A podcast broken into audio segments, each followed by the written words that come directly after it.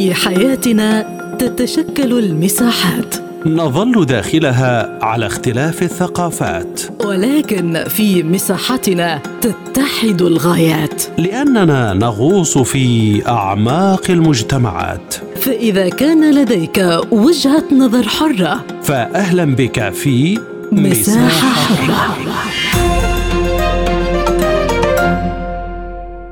أهلا بكم مستمعينا الكرام في حلقة جديدة من مساحة حرة وهذه جيهان لطفي تحييكم. في حلقة اليوم نناقش جرائم غسل الأموال وتخريب الاقتصاد.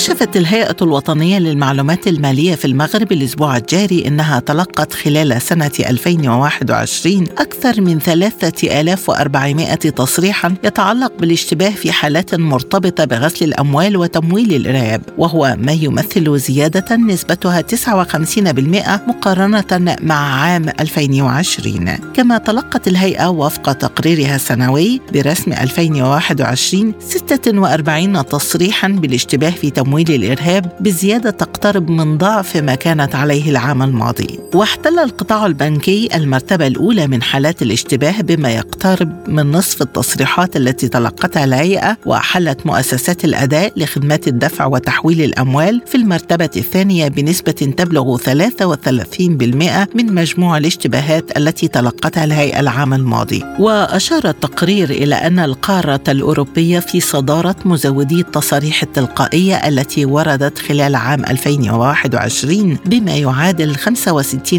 من مجموع التصاريح وتأتي القارة الآسيوية في المرتبة الثانية ب 12 تصريحا أي ما يمثل 30% من مجموع التصاريح التلقائية التي وصلت بها الهيئة. ووفقا للقانون الدولي تم تعريف جرائم غسيل الأموال بأنها تحويل الأموال المستمدة من أنشطة إجرامية أو نقلها مع العلم بطبيعتها بهدف إخفاء أو تمويه المصدر المصدر غير المشروع للأموال أو بقصد مساعدة أي شخص متورط في ارتكاب مثل هذه الجرائم على الإفلات من العواقب القانونية. وتمر عملية غسيل الأموال بثلاثة مراحل هي إيداع الأموال لفصلها عن الارتباط بالجرائم ثم التمويه والتستر على مسارها للتضليل وبعدها الإدماج في نشاط يبدو مشروعا. وتقوم الهيئة الدولية المعروفة باسم مجموعة العمل المالي FATF بالإضافة أيضا إلى لجنة باز بازل للرقابة المصرفية التي أنشئت عام 1974 من قبل محافظي البنوك المركزية لدول مجموعة العشرة وأصدرت لاحقا تقرير مكافحة الاستغلال الإجرامي للنظام المصرفي لأغراض غسل الأموال الذي تضمن طلب اتخاذ إجراءات فعالة لمكافحة هذه الجرائم ومعاقبة مرتكبيها. وتقدر مصادر غير رسمية حصيلة غسيل الأموال في الشرق الأوسط بنحو 500 مليار دولار خلال السنوات العشر الأخيرة. إلى قائمة المتابعة الاعتيادية في مؤسسة العمل المالي.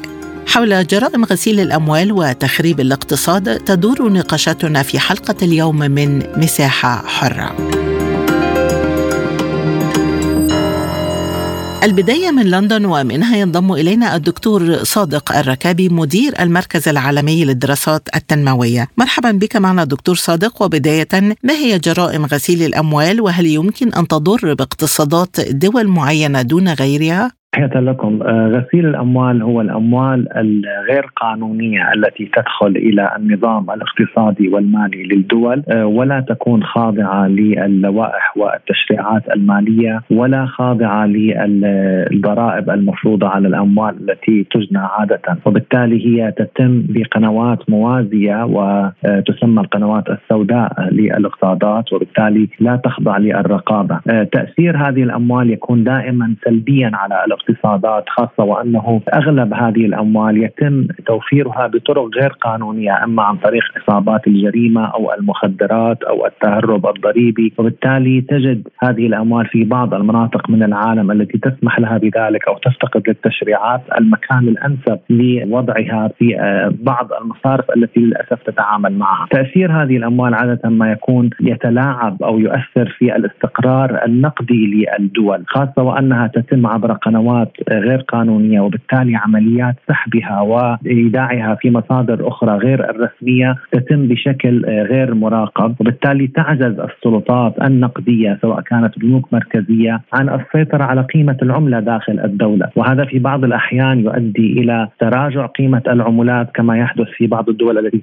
يتم فيها سحب هذه الأموال بشكل سريع أو مثلا ارتفاع سريع في بعض السلع خاصة السلع الكمالية دون أن يكون هناك مردودات إيجابية على هذه الاقتصادات، الأمر الآخر أنها تؤثر حتى في الاستثمار الأجنبي لأن الكثير من المستثمرين عندما يعلمون بأن هذه الدولة تقوم بعمليات غسيل أموال أو تسمح بعمليات غسيل أموال قد تحجم الاستثمارات الأجنبية القانونية عن الدخول خشية تعرض هذه الدول لعقوبات أو مخاطر اقتصادية تؤثر في الاستقرار النقدي والمالي لها، وأيضا قد تؤدي هذه الأموال إلى نشوء فجوة في الدخل داخل الدول التي يتم فيها عمليات غسل الأموال لأنه تتراكم الثروات لدى مصادر قليلة من الأفراد والمؤسسات على حساب جهات أخرى أكبر وبالتالي تؤثر في حالة الاستقرار الاجتماعي. وأيضا لا يوجد فيها عدالة لأن الكثير من المؤسسات المالية والقانونية التي تعمل في تلك الاقتصادات التي تقوم في عمليات غسل الأموال تشعر بعدم العدالة لأنها تدفع الضرائب لتلك الدول في حين أن الأموال التي هي غسيل أموال لا يتم فيها دفع ضرائب وبالتالي تخسر الدولة الإيرادات وهذا يؤدي في بعض الأحيان لارتفاع العجز.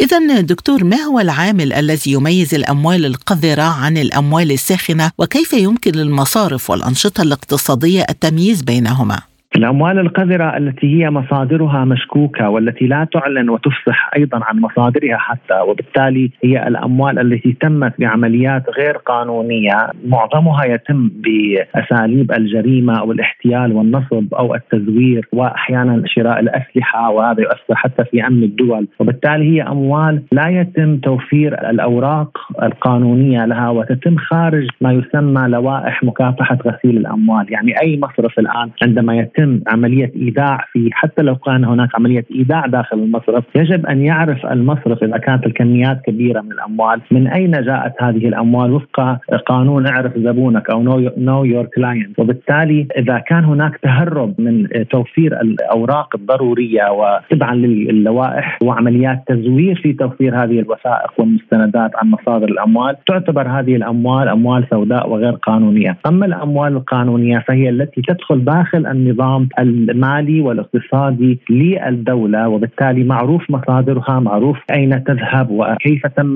يعني توفير هذه الأموال وبالتالي يتم عملية مراقبتها بسهولة لأنها عملية تتبعها منذ بداية نشوئها وحتى مصادرها النهائية تكون سهلة بالنسبة للنظام النقدي وبالتالي يستطيع النظام النقدي أن يعرف حجم الكتلة النقدية الموجودة داخل اقتصاد الدولة وهذا هو الفرق بينهما. أما الأثر السلبي فأنت طبيعي عندما تكون أنت بنك مركزي ولا تعلم حجم الأموال التي تدخل أو تخرج بالتالي أنت تفقد السيطرة على آه، قيمة عملتك وهذا ما يحدث في الكثير من الدول التي رأينا فيها مثلا عدم قدرة المصارف على توفير الإيداعات لزبائنها لأن تمت عمليات سحب كبيرة من خلال هذا النظام الغير القانوني الذي وفر الغطاء لغسيل الأموال.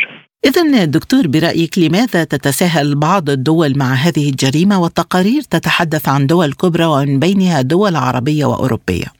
نعم هناك عوامل آه، متداخلة في هذا الأمر، آه، الدول آه، أحيانا تكون صغيرة وفيها نظام مركزي يحفظ سرية البيانات والمعلومات ولا يوجد فيها قدرة على توفير إيرادات مالية سريعة لأنها ترغب في أن تكون مصادر لتكوين الثروات وبالتالي هي تسمح بهذا الأمر، دول أخرى لا تمتلك القدرة على توفير الرقابة ولا تمتلك الخبرة في قوانين مكافحة غسيل الأموال وبالتالي تتم هذه العمليات دون ارادتها، ولكن هناك دول أحيانا تكون قادرة على توفير هذه اللوائح وقادرة على توفير التكنولوجيا لمراقبة غسيل الأموال وتسمح بغسيل الأموال لعوامل عديدة، اولا أنها لأسباب سياسية قد تريد الإضرار ببعض الدول الأخرى وبالتالي تسمح بأن يكون هذه المصادر لسحب الأموال سريعة ومتوفرة وتوفر الغطاء لحلفائها في تلك الدول سواء كانوا سياسيين أو مؤسسات مالية مرتبطة بها وتستخدم هذه الأموال لاخلاء واخلال الاستقرار الاجتماعي والاقتصادي وأيضا تعتبرها مصادر أموال تستخدمها وتصادرها في الوقت الذي تريده لأنها تعلم أن مصادر هذه الأموال غير قانونية فبالتالي أصحاب هذه الأموال الغير قانونية لن يكونوا قادرين على الدفاع عن مصالحهم، لذلك تتشابك المبررات ولكن الدول التي تقوم بعمليات غسيل أموال ضمن قائمة المؤسسات الرقابية الدولية هي ليست كثيرة يعني هي قرابة 28 دولة، ثمانية منها ليست تمتلك اللوائح الكافية لمكافحة الفساد و20 آخرون تشخص بأنها تسمح بهذا الأمر عمدا وعن معرفة.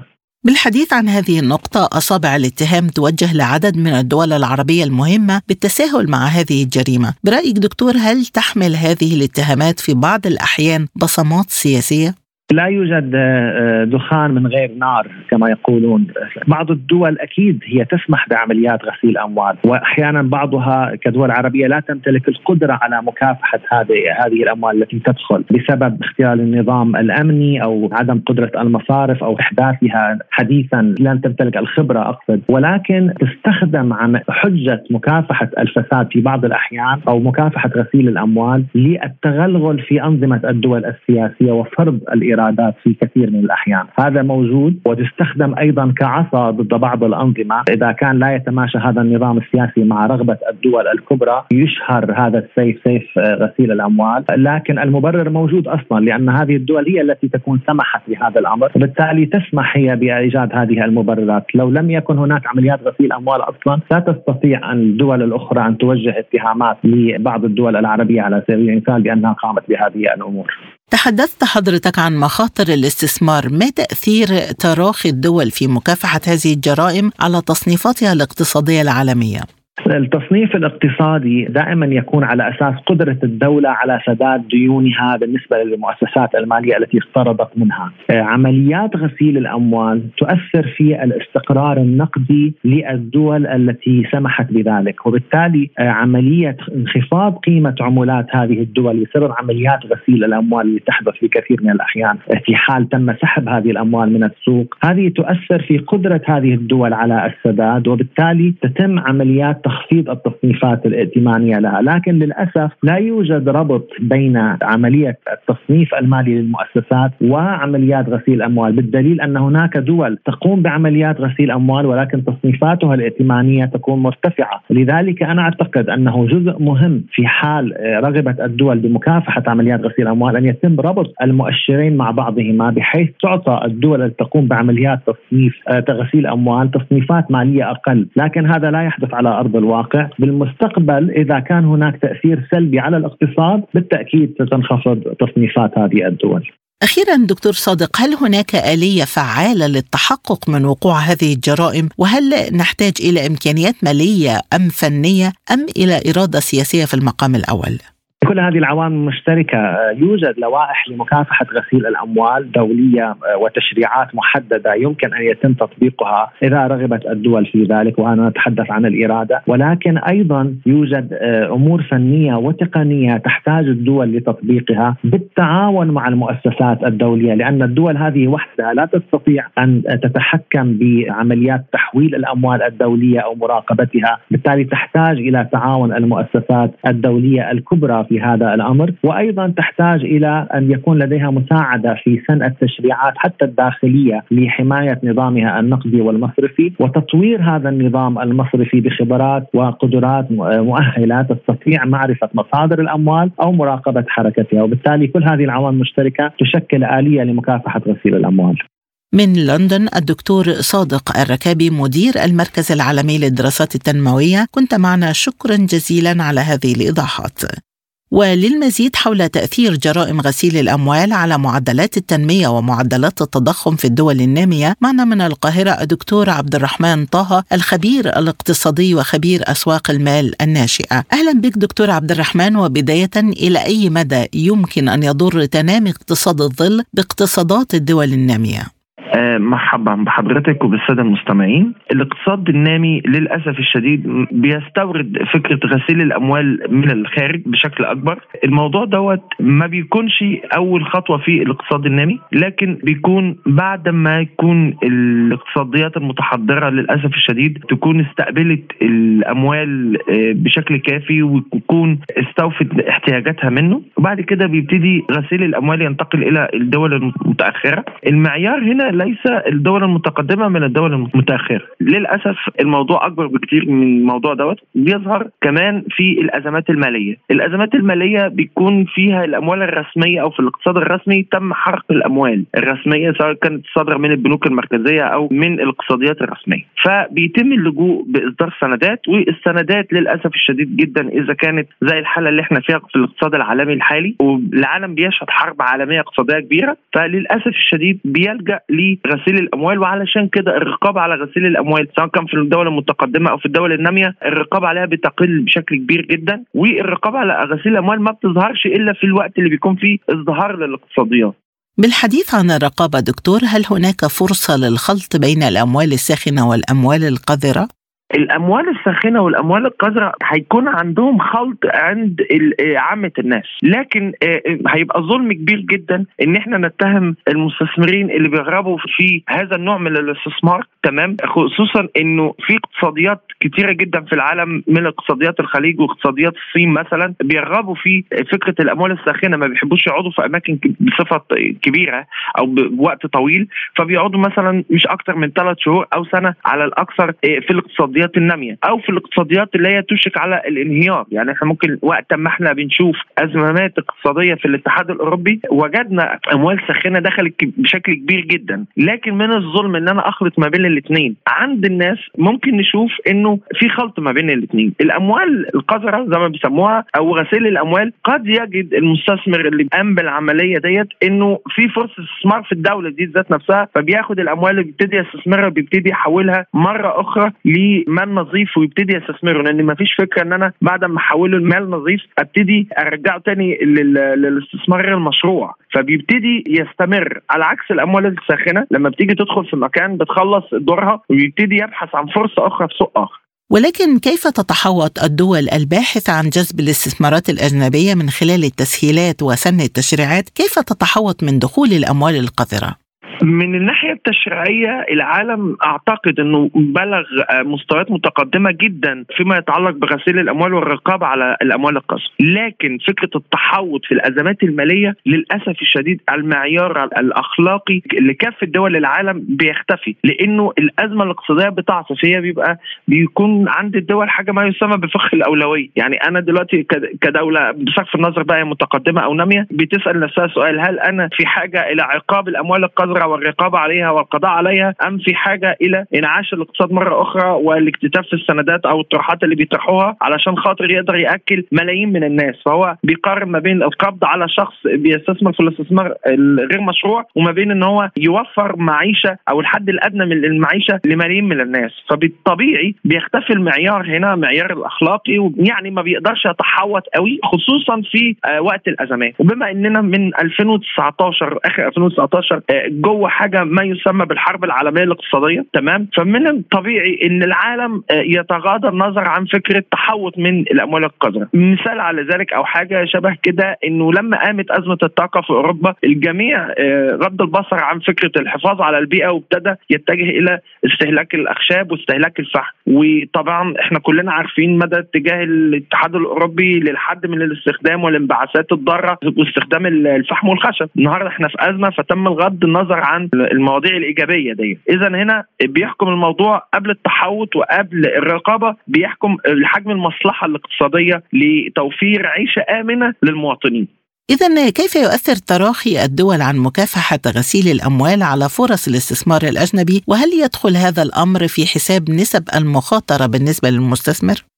لما بتستقر الأوضاع يعني اللي هنفترض مثلا زي 2008 الأزمة المالية العالمية وبعد شوية بعد سنتين ثلاثة الماني لاندري خد مساحته خد وقته وبعد كده بيبتدي الاستقرار يعود مرة أخرى للاقتصاديات. بيبتدي كل مستثمر ينظر للدولة اللي هي استفادت أكتر من غسيل الأموال. هل هي مستمرة في الموضوع دوت؟ ولا توقفت. المعيار هنا عند استقرار الأوضاع الاقتصادية هل الدولة لا زالت تهوى غسيل الأموال أم أن الدولة توقفت عن استخدام هذا السلاح وابتدت ترجع تاني للاقتصاد النظيف؟ طبعا اللجوء للدولة اللي هي بترجع عن الفكرة ديت وبتبتدي تعود مرة أخرى للمسار الصحيح هي دي بتبقى المستهدفة أكتر من المستثمر اللي سواء كان بقى المال الساخن أو كان استثمار طويل الاجل العبرة هنا في مدى العودة للمسار الصحيح مرة أخرى وفي الغالب لأن التشريعات الأممية فرض رقابة شديدة جدا على الموضوع دوت لما الاوضاع بتستقر بتعود الرقابه مرة أخرى وبشكل أو بآخر ما حدش بيبص لورا يعني ما حدش بيرجع يبص لورا هو إيه قد إيه دخل مجرد إحصاءات على الورق لأنه في الأول وفي الآخر ما فيش حل تاني للأسف الشديد عند الاقتصاديات لما بيحصل أزمات مالية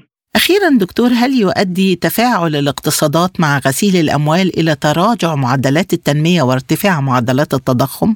بشكل أو بآخر الأزمات الاقتصادية هي نوع من أنواع تراجع في معدلات التنمية وارتفاع في معدلات التضخم ودوت اللي إحنا شايفينه هنا إحنا بنشوف انخفاض في معدلات النمو في كافه دول العالم وفي نفس الوقت ارتفاع في التضخم. وإحنا لو ذكرنا كلام المفوضية الأوروبية آه، رئيس المفوضية الأوروبية لما قالت إحنا آه، تجاوزنا مرحلة التضخم ودخلنا في حالة ارتفاع الأسعار والحالة دي مختلفة تماما. إحنا لسنا في حالة تضخم ولسنا في حالة ركود تضخمي كما يظن البعض. إحنا في حالة ارتفاع ارتفاع الأسعار. وهنا الحالة مختلفة جدا ولم يشهدها العالم من قبل فكرة إن إحنا نفضل في ارتفاع مستمر وإن التضخم لا يتوقف وإن الركود التضخمي أصبح غير موجود بالمرة. الاستثمار الحقيقي بيكون قايم على فكرة التنمية الاقتصادية والنمو الاقتصادي وأتمنى إن يكون المشاهد عارف الفرق ما بين الاثنين وفي نفس الوقت التضخم بيتم السيطرة عليه. أعتقد إن إحنا في حالة فريدة من نوعها. أعتقد إن الحرب العالمية الاقتصادية اللي تشهدها العالم مش هتتوقف قريب بل هي مستمرة وممكن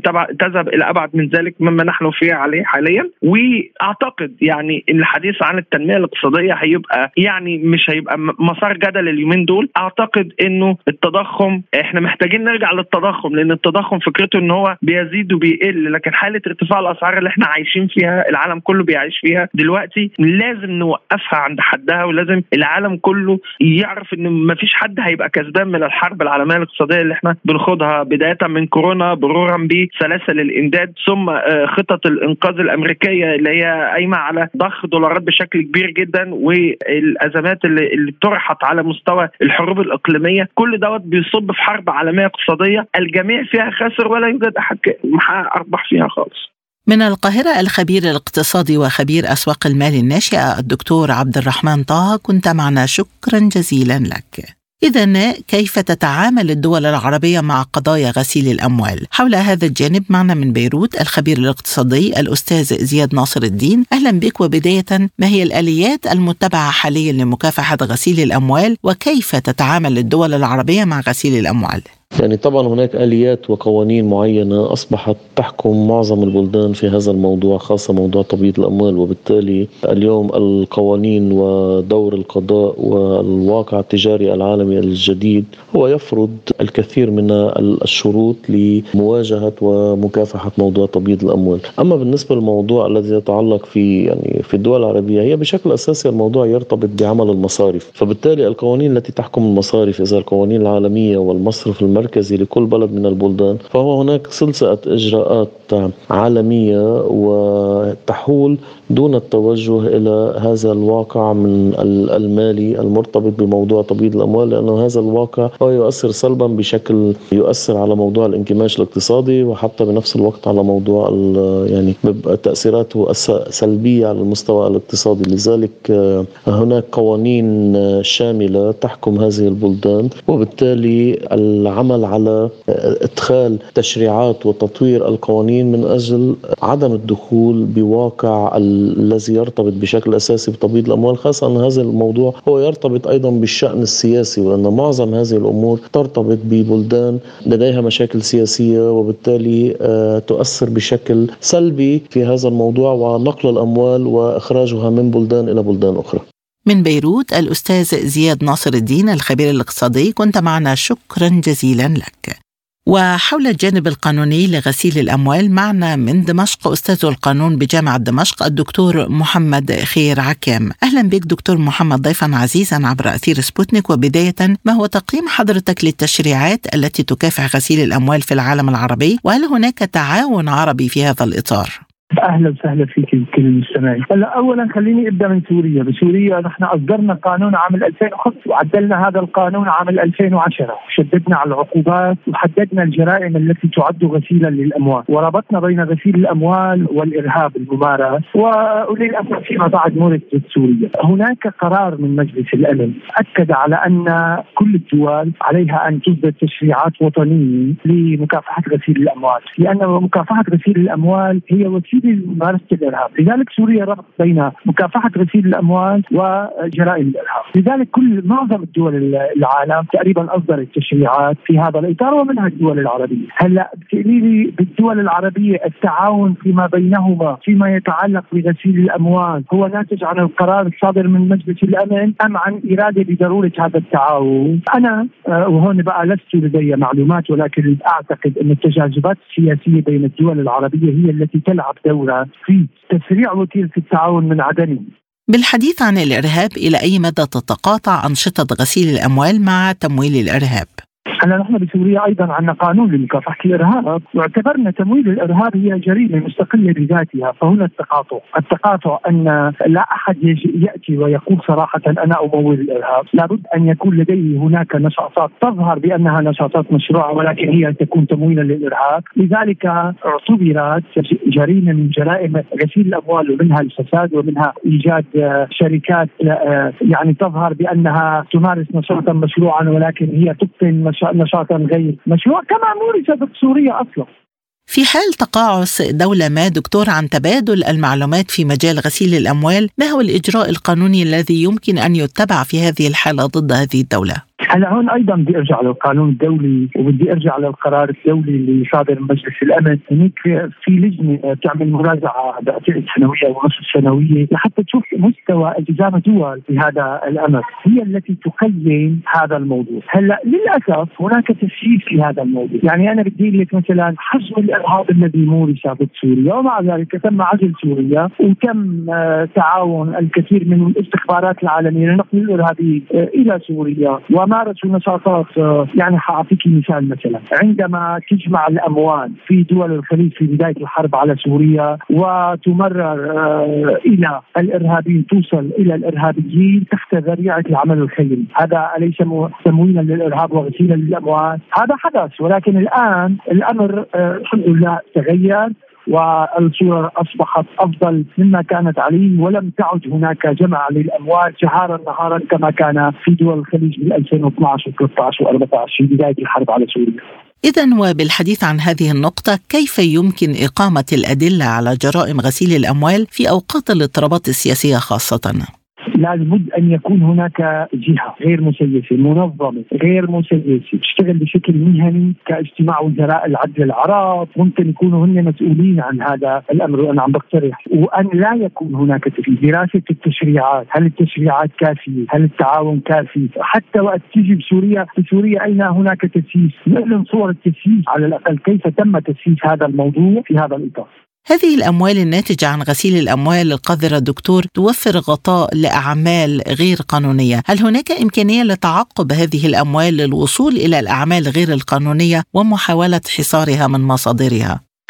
بالتاكيد يعني بقوانين غسيل الأموال. من القانون السوري هناك اليات لتعقب هذه الأموال، يعني مثلا أعطيك على سبيل المثال عندما يأتيني آه، مبلغ من حساب خارجي أو حتى حسابات داخلية بدي صار علي التزام إنه أقول من أين أتى ولماذا أتى ما هو سبب دخول هذا المبلغ إلى حسابي وهكذا، اذا ممكن يصير في دراسة لذلك، سوريا نحن بنحيل الكثير من الناس إلى جرائم موجودة في هذا القانون نتيجة تعقب حساباتهم المصرفيه. بحديثي إلى الدكتور محمد خير عكام أستاذ القانون بجامعة دمشق نكون قد وصلنا إلى ختام حلقة اليوم من مساحة حرة. قدمتها لكم جيهان لطفي وللمزيد زوروا موقعنا على الإنترنت سبوتنيك dot ae. شكرا لطيب المتابعة وإلى اللقاء.